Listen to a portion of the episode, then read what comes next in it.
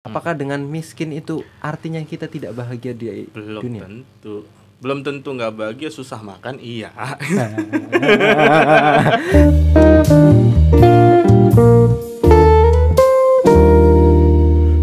ya assalamualaikum warahmatullahi wabarakatuh Waalaikumsalam warahmatullahi wabarakatuh. balik lagi di podcast kaji santai lu yang kaji Gua yang santai. kita nih santai santai santai santai santai miskin ya Enggak dong, kalau itu menganggur baru jadi miskin. Kok nggak enak banget ya Jadi kita sempat ngulang tadi. Jadi itu jokes awal yang emang sangat-sangat tidak berguna. Oke langsung aja Ki. Ditambah diulangin jadi kagak jelas. Jadi kagak jelas. Oke. Eh, Kita mau hari ini mau ngomongin sesuatu yang menarik. Gue kemarin habis nonton MLI eh, Di situ ada satu segmen Bondowani Ya, I see. Bondowani itu artinya apa? Modal nekat ya? Modal berani. modal berani. Nah, di situ dia ketemu de- dengan orang-orang kaya. Wow. Nah, gue cari-cari kan di internet. Ternyata nih ada nih 12 fakta orang kaya. Hmm, apa? Crazy Rich Surabaya Ya, itu karena emang Bodowani dia ininya di Surabaya sih. di ya. Surabaya si Cancuk. nih, gue cari dulu ya. Apa aja tuh? Fakta-faktanya yang 12 itu. Nih ada Miss Global Indonesia. Ah, ah, Miss, Miss, Global Indonesia. Gue taunya Miss Indonesia itu. Nggak tahu nih dari mana nih. Namanya Fabian Nicole. Oke. Hmm. Namanya itu banget ya. Kayaknya ada Ke keturunan barat-baratan. barat juga. Nih, nggak pernah memasak. Oke. Fabian sekali memesan makanan habis 2 juta. Hmm. Sekali pesen makanan. Dan itu dia nggak pernah masak berarti pesan mulu dong. pesen mulu nih. Oke. Menurut lu gimana, Ki? Orang yang makan 2 juta sekali mesen. Gue bukan masalah menurut lu gimana cuy. Jiwa miskin gue merontak-rontak. itu bayar kos deh 2 bulan ya lebih. ilah gue pesen GoFood atau GrabFood gitu mah setahun kehitung kali kayaknya nggak tiap bulan juga. Paling-paling yang sering itu mie instan. Gue gue nih feeling gue nih makannya 2 juta bokernya berapa ya? ke kita kan 2000 ribu gocap kali ya Itu spiteng langsung penuh. Aduh. oke oke oke mantep ya sekali makan 2 juta Keren keren. nih jadi ada satu lagi nih anggota Crazy Rich Surabaya Ya. dia uang jajannya nggak banyak kata dia Uang jajannya nggak banyak, Nah. tapi tapi eh, sekitar 200 juta lah per Suwe. bulan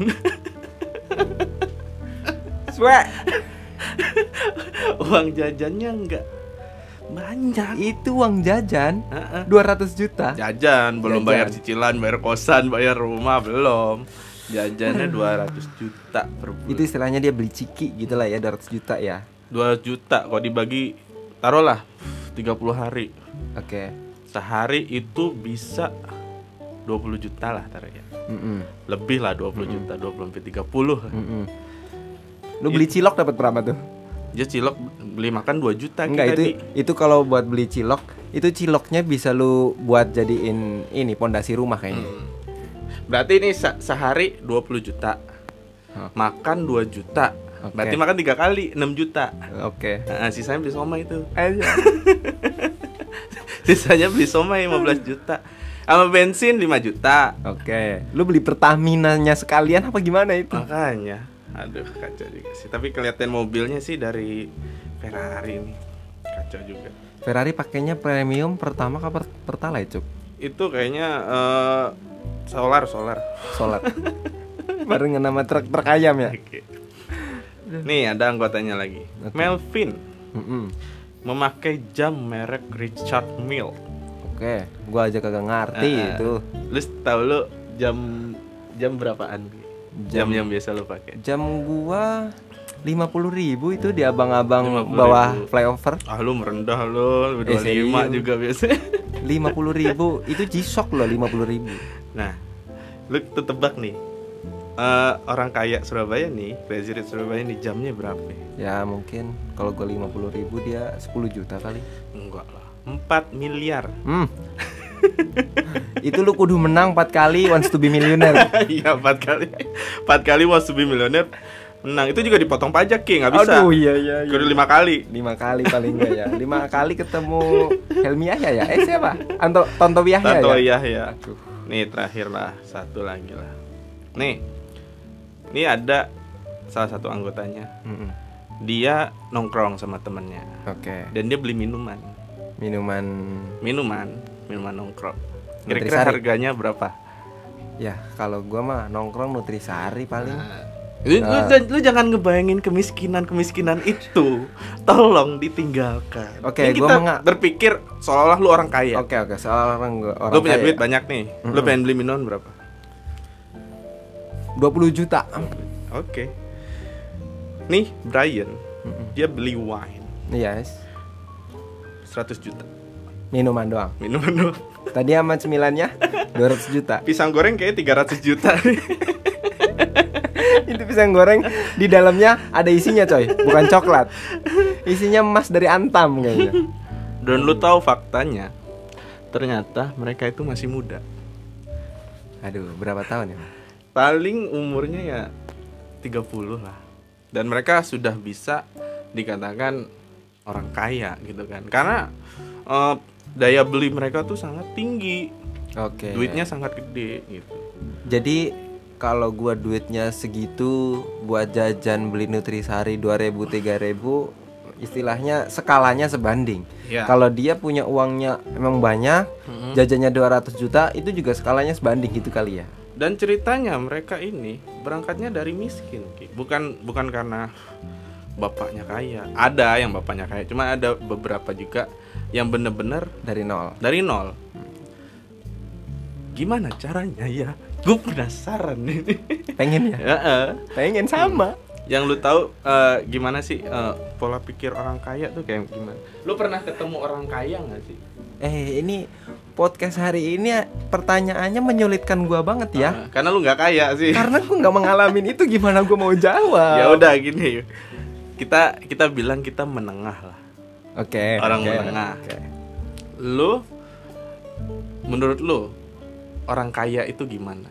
Kerja kerja kerja. Orang yang kerja kerja kerja. Tapi emang emang bener sih. Eh, kalau untuk kaya itu emang harus kerja ya iya dong ikhtiar dong walaupun mungkin ada orang menang kupon menang apa bisa kaya. Karena undian kan ada. Ada juga. Ada juga karena tapi kepintaran. biasanya kayak gitu nggak long last. Misalnya ada kepintaran kuis kan. Ah, kalau iya, enggak iya. ikut apa Baim never surrender. Iya iya iya, iya. tapi nggak bakal kaya. apa nyari nyari giveaway. Tapi orang orang kaya yang dadakan gitu pasti yang ngasih duit lebih kaya gitu kan. Oh iya betul. Karena dia nggak jari dong iya betul. Betul betul betul betul. Jadi menurut lu nih kaya itu apa sih? Kaya itu ya secara tekstual ya. Secara tekstual menunjukkan kondisi di mana kita memiliki harta benda yang banyak atau yang lebih banyak daripada orang lain atau yang melebihi standar pada umumnya. Itu kekayaan. Cuman ya nanti pasti akan ada pembahasan kaya itu ya ada teritorialnya masing-masing dong. Ada teritorialnya kaya dari sisi harta, kaya dari sisi jiwanya, Mm, ya kaya dari kan? sisi jiwa, iya. dari sisi orangnya humble, Hmm. orangnya baik. Berarti lu punya kekayaan. orangnya humble baik miskin Ya. tapi bukan berarti dia dia hanya miskin ini ya ya. miskin apa harta tapi dia kaya hati gitu kan Nah, Oke. gitu. Oke, lu bisa ya ngeliatnya lu pengen dibilang orang kaya juga kan Ya, kayak apa nggak tahu gua. Karena gitu sama kebalikannya. Kalau lu tanya apa definisi miskin, miskin juga sama. Kalau secara tekstual, miskin itu ya menunjukkan orang yang tidak punya harta. Hmm. Tapi kalau dari sisi ini, apa namanya kalau itu pembagian zakat tuh, ya yang namanya kategori apa miskin, tuh? asnaf delapan Heeh, kalau yang itu kan ada namanya- dua ada fakir ada miskin Nah, bedanya apa gitu kalau yang miskin itu setahu gue itu dia punya pekerjaan, Mm-mm. tapi penghasilannya tidak bisa memenuhi kebutuhannya. Sehari lu buat kebutuhan pokok ya. ya Kebutuhan pokok lu misalnya sehari 50.000 ribu Dia punya pekerjaan tapi hasilnya sehari cuma 20 gitu misalnya Kan nggak mencukupin tuh masih kurang tuh Itu orang miskin kalau fakir lebih nah, parah. itu lebih parah. Memang nggak ada penghasilan gitu. Nganggur. Hai orang-orang nganggur, Anda fakir. Tapi kan gitu sama dong. Bisa didefinisikan dengan yang lain. Lu miskinnya miskin apa? Iya. Kali, kali aja lu miskinnya miskin dosa. Iya, iya, bagus ya. Ya keren dong. itu definisi miskin sama kaya. Tapi eh, orang kaya yang lu tahu siapa? Yang gua tahu orang kaya, kayaknya orang luar ya itu terkenal apa Bill Gates. Bill Gates, Terus yang punya Jack Ma. Jack Ma, Alibaba ya. Terus ini yang punya Facebook siapa tuh Mark. Mark Zuckerberg. Heeh. Udah gitu yang gua tahu ini dong di dunia olahraga. Siapa? Syekh Mansur, Syekh Mansur. gitu kan terus Roman Abramovich yang punya Chelsea pemain-pemain bola juga kaya-kaya punya hotel punya apa punya pulau malah Oh, Ronaldo kemarin Corona corona, beli pulau ya. kalau iya beli pulau dia tinggal di sana sendirian lockdown beneran itu Kalau kita ke Pulau Gadung dong. iya Dia mau pulau sendiri. iya Tapi setelah lu melihat nih, apakah ada kesamaan antara orang kaya orang kaya ini? Mm-mm. Ada nggak saat selain lu bilang tadi kerja keras tuh, ini ada mindset gimana biar kaya tadi? aduh mindset biar kaya Mm-mm. mindset biar kaya inovatif sih kayaknya kalau zaman sekarang ya Oh iya iya. kalau zaman sekarang inovatif Mm. kemudian juga punya keberanian buat Berani. ngambil resiko Iya. iya kan Makanya rata-rata kan orang-orang yang kaya itu mereka mainnya saham. nah gini, gini misalnya kayak di Indonesia eh, orang yang punya inovasi-inovasi di bidang apa namanya e-commerce Oh iya, bikin aplikasi-aplikasi sekarang jadi kaya Hmm. punya apa namanya perusahaan apa namanya Tokopedia. ya gitu gitulah terus juga dia berani berani ngambil resiko Iya. namanya orang udah punya duit banyak berani berani apa namanya terjun di bidang ini di bidang ini di bidang ini jadinya Jadi ya, bisa gue tarik kalau berani kaya tuh harus berani miskin gitu ya. iya dong Ah, ah. iya dong lu jualan pulsa yang apa namanya untungnya seribu dua ribu ya kerugiannya ya paling segitu itu Iya, aja kalau mereka ruginya udah berani miliar-miliaran. betul Makanya ya. gue gue kemarin sempat nyesel juga kan, gue pengen jual masker. Untung gue nggak berani, emang kenapa karena yang jual masker sekarang udah pada miskin. Astaga. Maskernya pada numpuk semua mampus loh semua. Nah itu orang Indonesia ya gue sih Hmm. termasuknya itu ini apa latah Lata. Yang lagi rame ini ikutan Ah, ah. yang lagi rame itu ikutan ikutan dong udah gitu orang-orang terakhir lagi kan Iya iya. iya. bukan orang-orang pertama nah Makanya orang- harus ino- inovatif kan. harus inovasinya Orang nih gojek ojek om- konvensional, gojek turun. nah, Nah, gitu kan. Orang jualan-jualan di pasar, Tokopedia turun. gitu nah kan. gitu inovasi Ya, inovasi ya benar-benar benar. Kalau di Islam siapa yang kaya? aduh aduh zaman sekarang apa zaman dulu nih Zaman dulu aja. Oh, zaman dulu Eh. kalau zaman dulu Nabi Muhammad termasuk orang yang kaya Banyak banyak uangnya. Hmm, Ya, hmm. jelas karena kan Nabi itu presiden juga. Mm-mm. Eh, istrinya orang kaya, Oh. sahabat-sahabatnya orang kaya. oke Pasti relasi-relasinya orang kaya bisa ngumpul sama orang kaya gitu. iya iya lu ngumpul sama gua berarti Gue kaya alhamdulillah. Hal- Makanya lu keikutan kaya. iya ya, amin Eh, tapi iya sih yang lu sebutin tadi menjadi fak beberapa faktor. Tapi gini apa namanya? Nabi Muhammad kenapa kaya? Ya jelas lah beliau kekasih Allah ya. Ya, pengen apa aja pasti dikasih anugerah. Ya pasti Enak dong. dikasih. kalau Nabi misalnya Hmm. misalnya berdoa ya Allah aku pengen ini pasti langsung dikasih. Ya, namanya Nabi kekasih pasti kekasih Allah. dikasih. Nah, terus memang ada beberapa termasuk eh, khususnya orang-orang orientalis, Hmm. orang-orang barat yang pada penelitian budaya, sejarah dan ya tentang ketimuran gitulah. Ya. Itu mengatakan bahwasanya nabi itu kaya gara-gara istrinya. Gara-gara Siti Khadijah. Siti Khadijah maksudnya. Karena pengusaha kan. Karena pengusaha pada saat itu.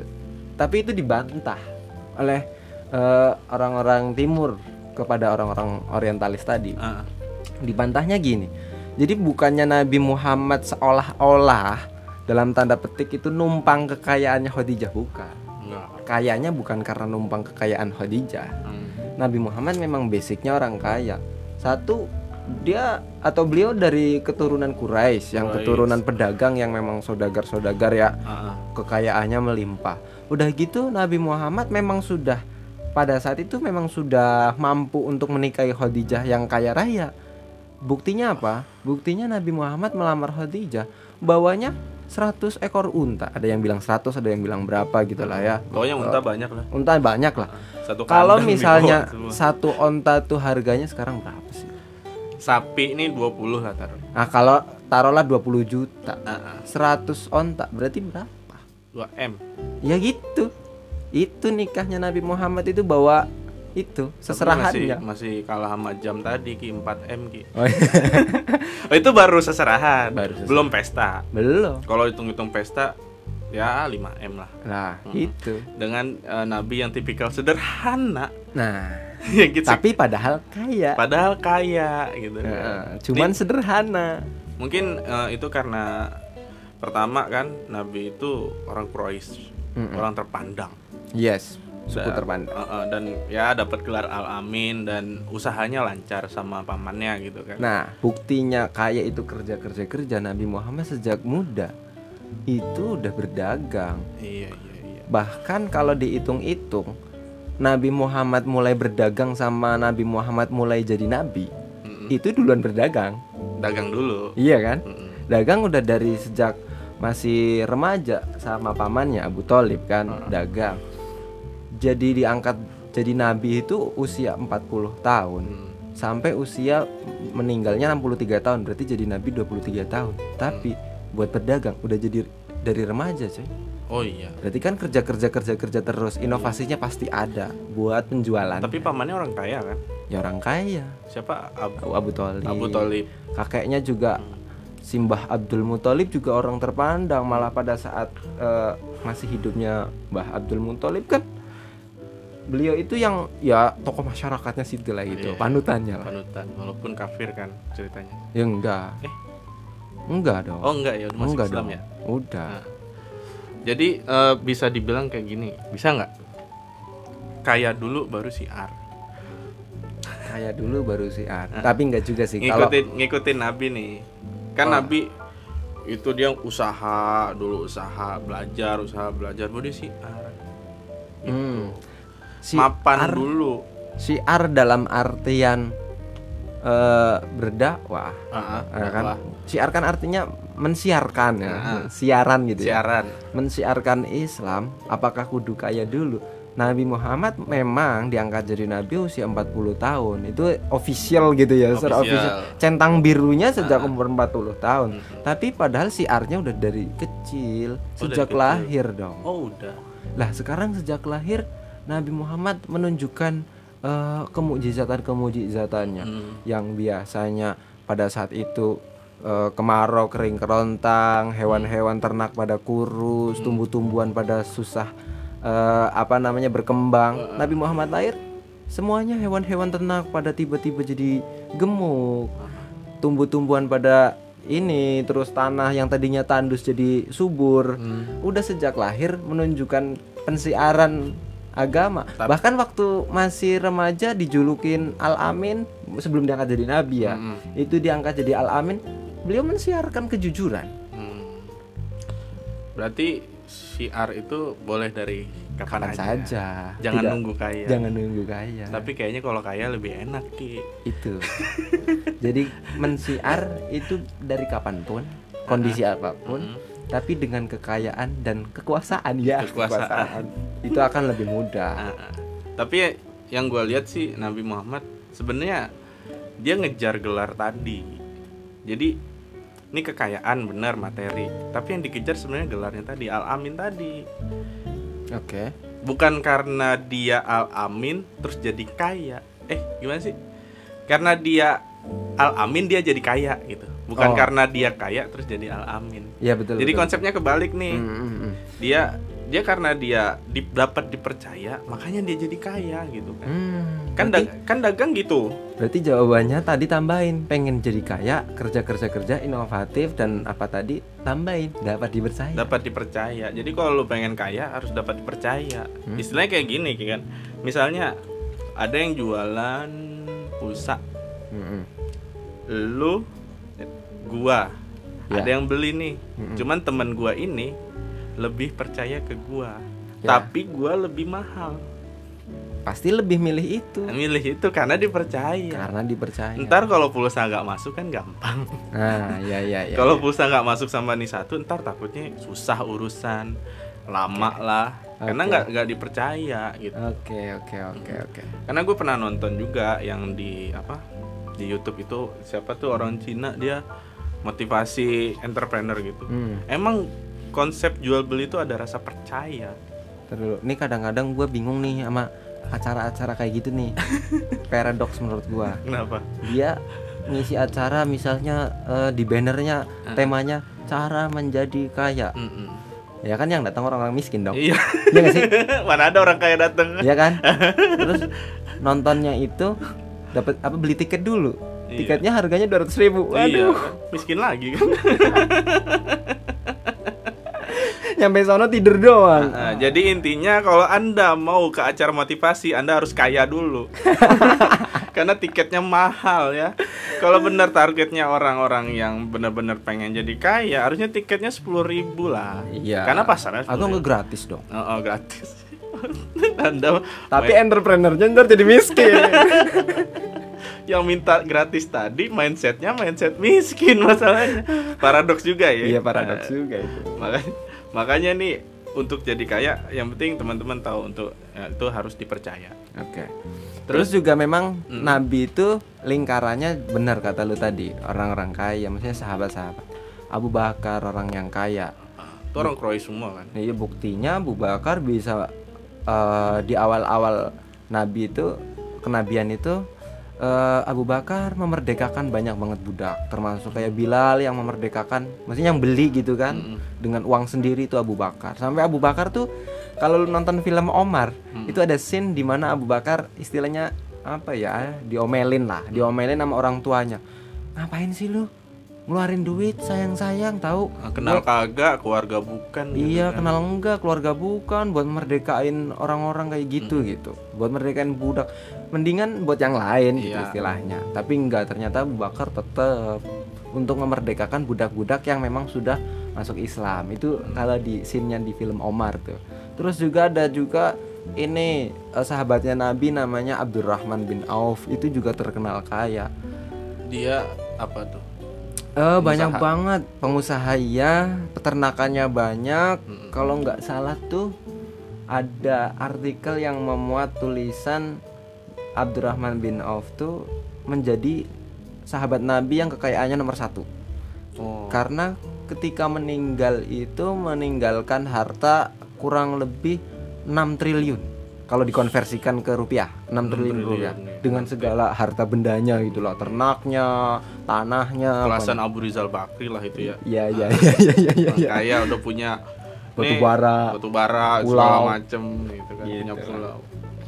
Dia, dia kaya banget tuh ya. Iya kaya banget lah intinya itu Abdurrahman bin Auf dan lingkarannya Nabi memang sahabatnya orang-orang kaya. Tapi Nabi siarnya gimana nih buat orang-orang kaya tuh? Siarnya buat orang-orang kaya yang Ah. Muslim.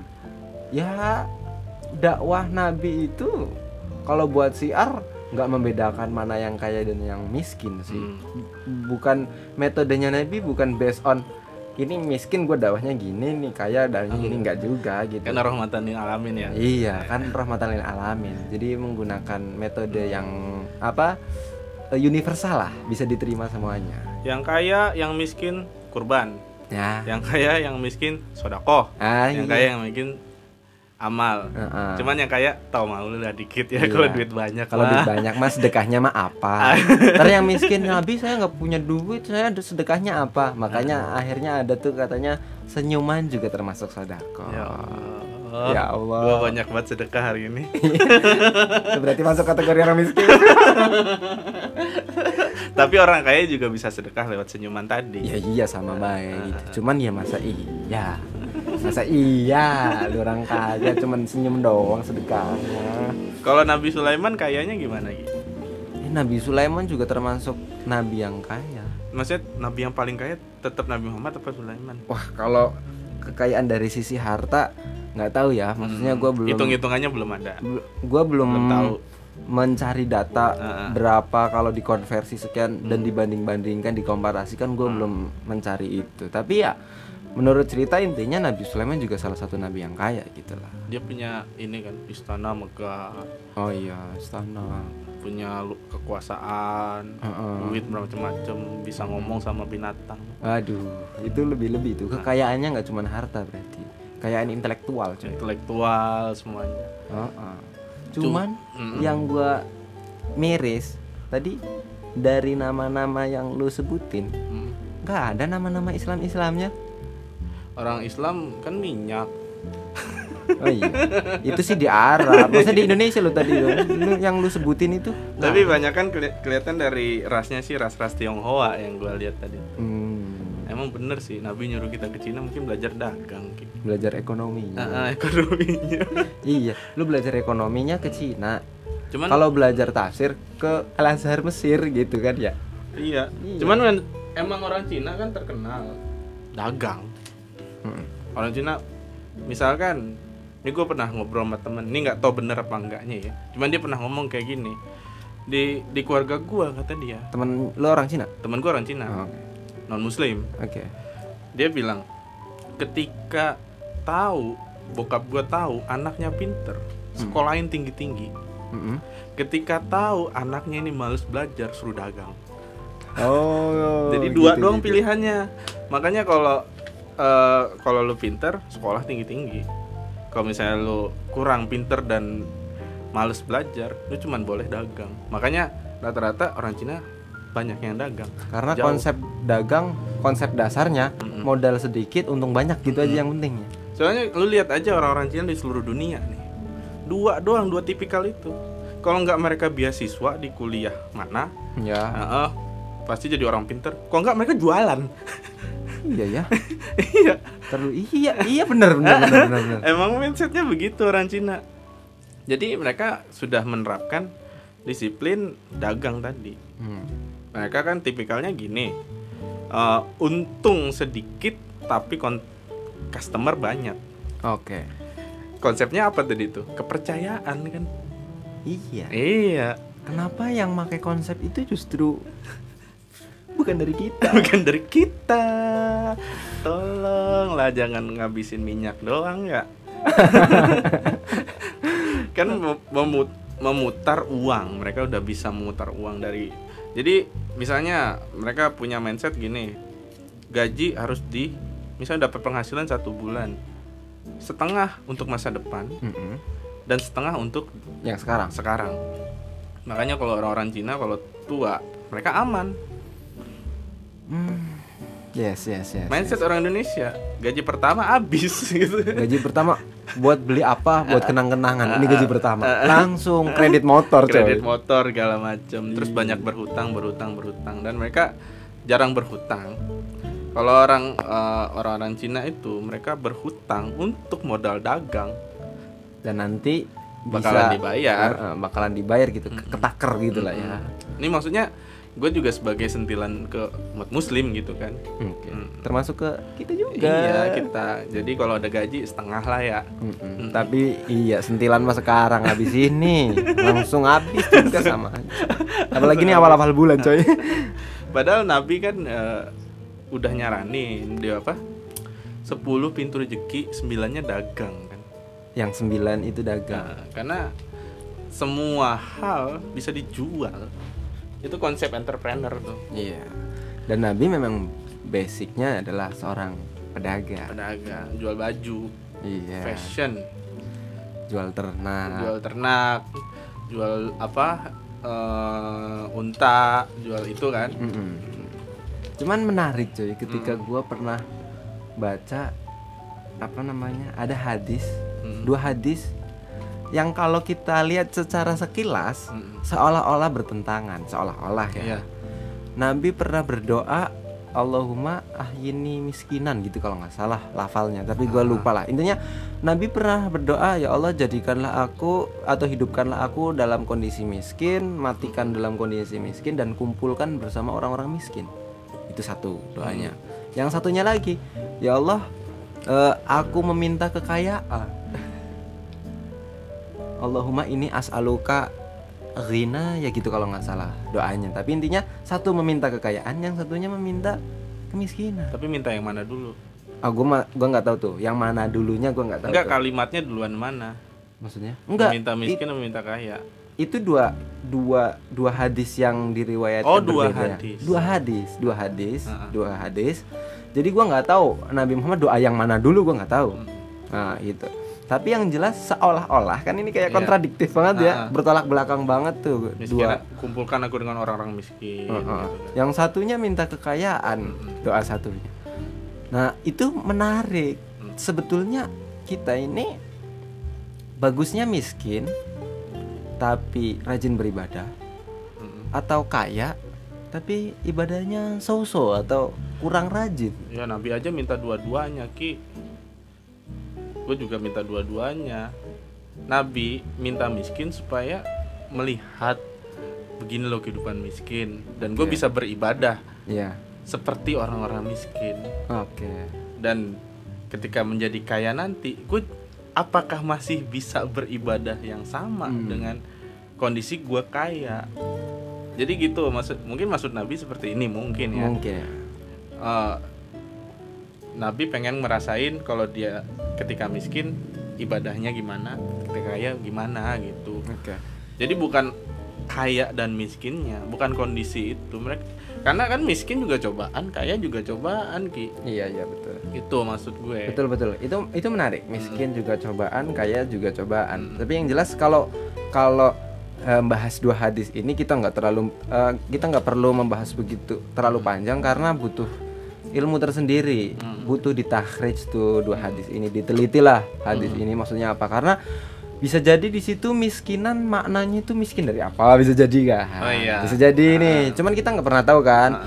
tapi secara tekstual sih ya namanya miskin ya kan kita Nggak punya duit. miskin nggak punya duit kalau kaya kaya banyak duit kita taunya gitu Hmm. cuman maksud lain mah kita nggak nggak nggak pernah tahu itu maksudnya nabi itu apa ya. Makanya yang kita telaah tujuannya tadi tujuannya tadi balik lagi ke orang-orang crazy rich tadi. Heeh, makanya Mereka kaya untuk apa gitu. nah itu makanya terkadang kita ketika dikasih kemiskinan Hmm. atau kesusahan lah kekurangan sesuatu atau lagi sakit atau apa sakit namanya miskin dari sehat kan ya Hmm.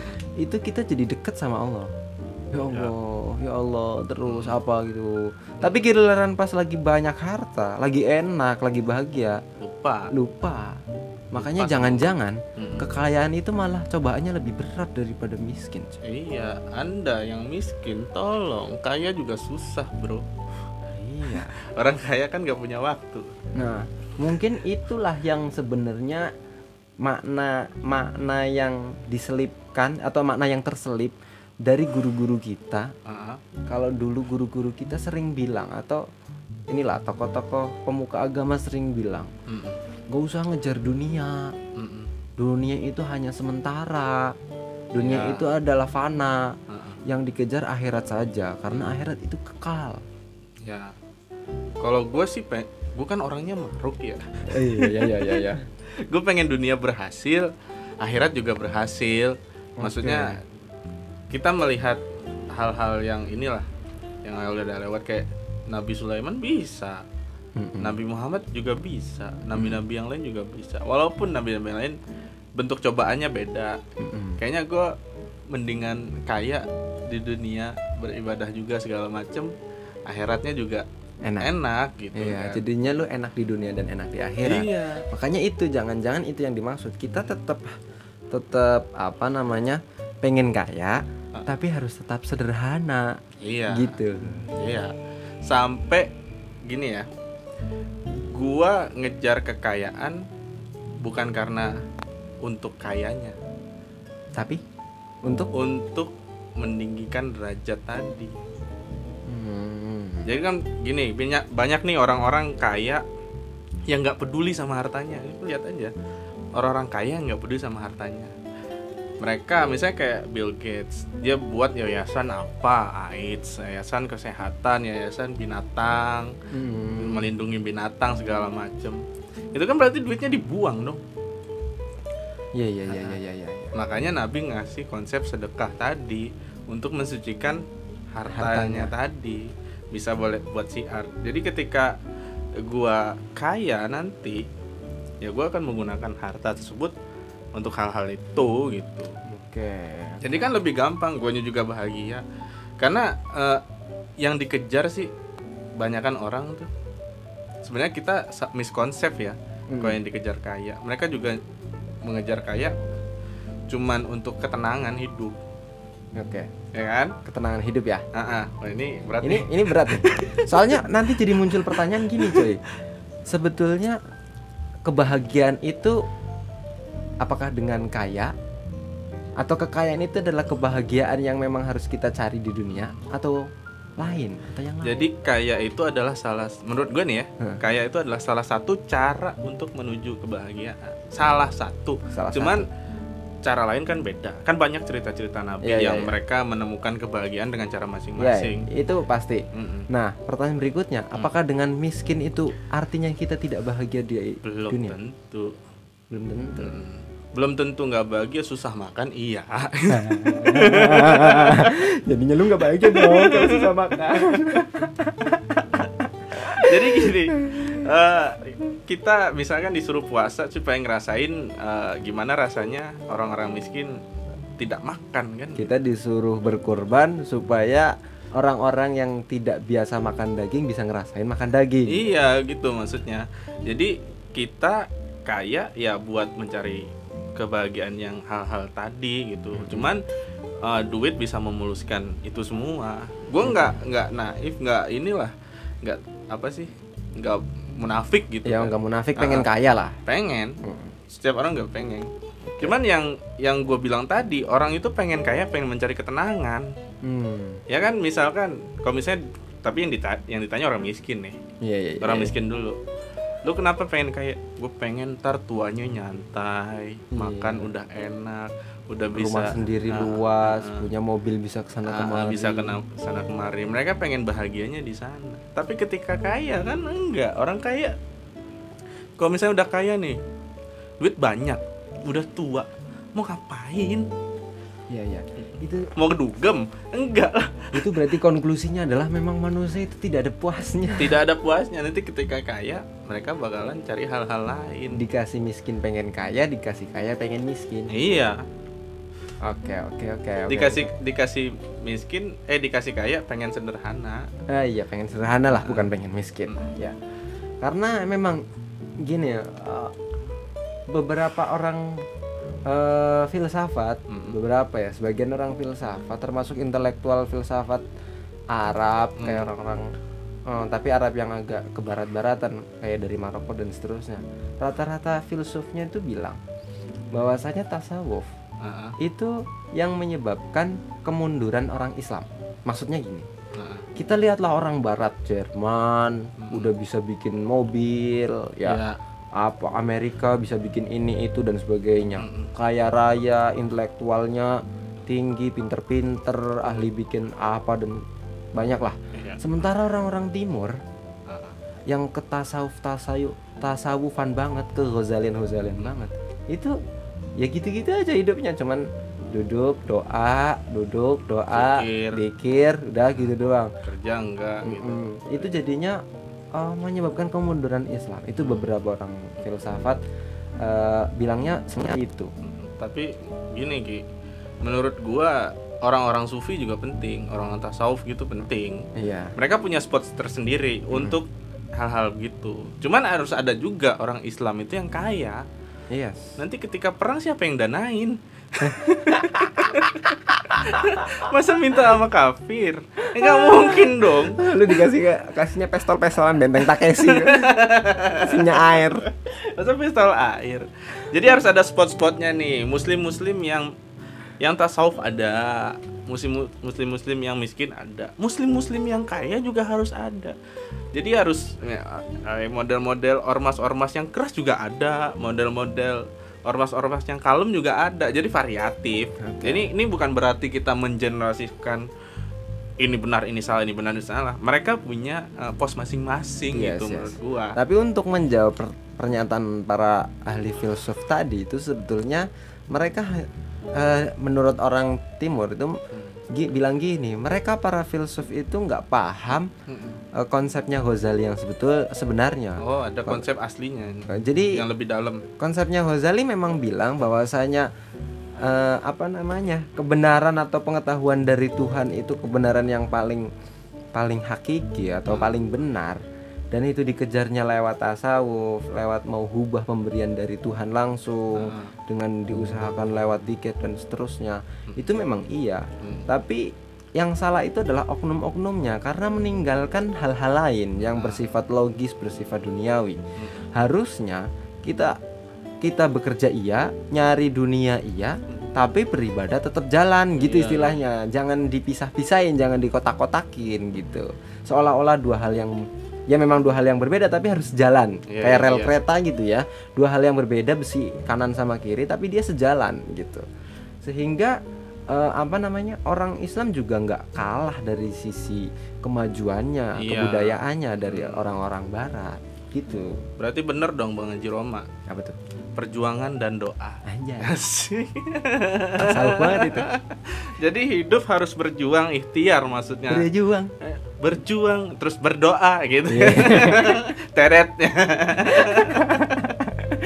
Aduh, guru musik, guru musik. Jadi harus sejalan. Bang Haji Roma udah bilang nih tolong teman-teman kalau mau belajar keislaman sekaligus dunianya juga, akhiratnya juga. Jadi belajar keislaman itu melalui lagu perjuangan doa. Tapi jangan lagu Ani ya. ya, emang kenapa? Be- beda beda nah itu bang Haji Roma belum yang nada dan dakwah itu Oh, iya, iya, masih iya. lagu Ani dia masih belum Begadang juga jangan ya. bang Haji kaya tau duitnya Kaya. banyak bang Haji Roma Kaya. Betul, betul, dangdut rajanya kan Mm, mm, mm, oke Jadi intinya kaya itu penting nggak? menurut gua penting Orang Islam harus kaya nggak? Orang Islam harus ada yang kaya gitu kan. Tetap aja konsepnya piramida terbalik kan. Oke. orang kaya lebih sedikit daripada orang miskin. Orang miskin Heeh. lebih banyak itu maksudnya. Jadi lu lu harus kaya juga berusaha untuk akhirat juga sama perjuangan dan doa kalau menurut lu gimana sih kaya nggak mau kaya nggak? Gue mau, Ma- mau, mau banget. Asli pengen kaya, serius dengan cara yang baik. Asik. kaya.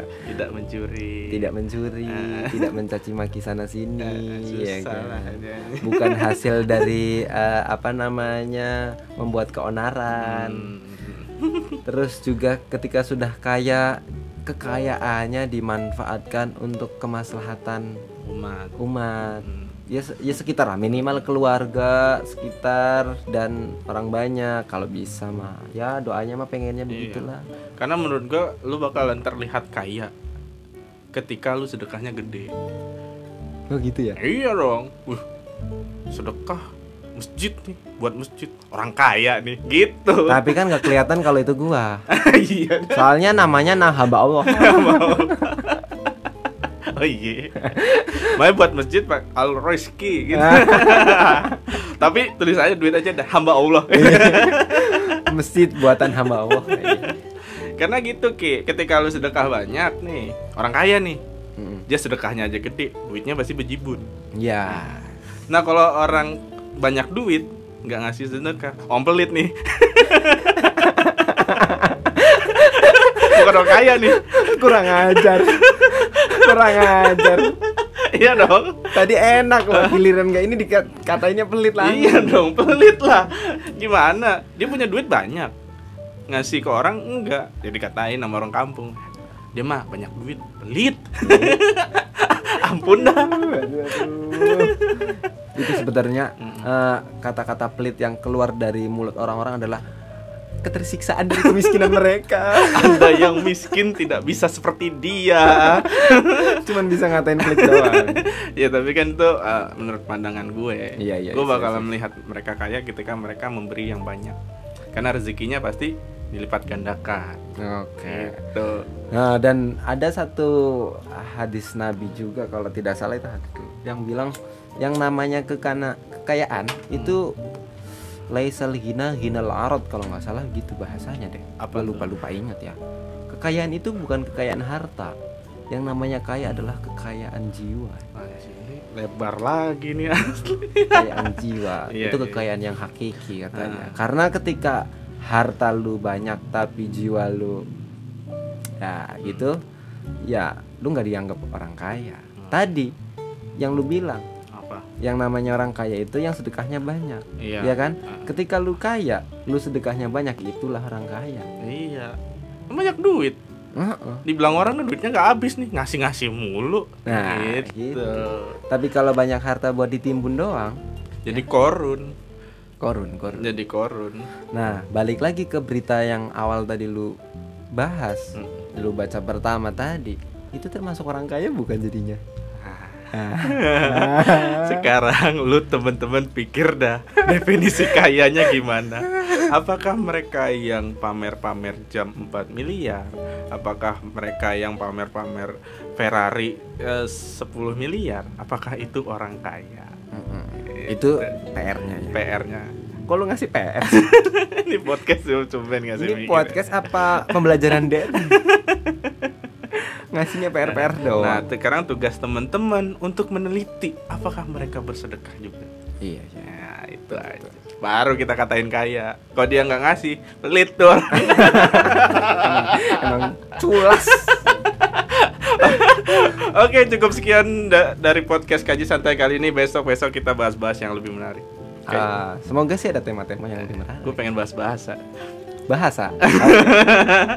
Kok spoiler banget sih? Iya dong, nggak apa-apa.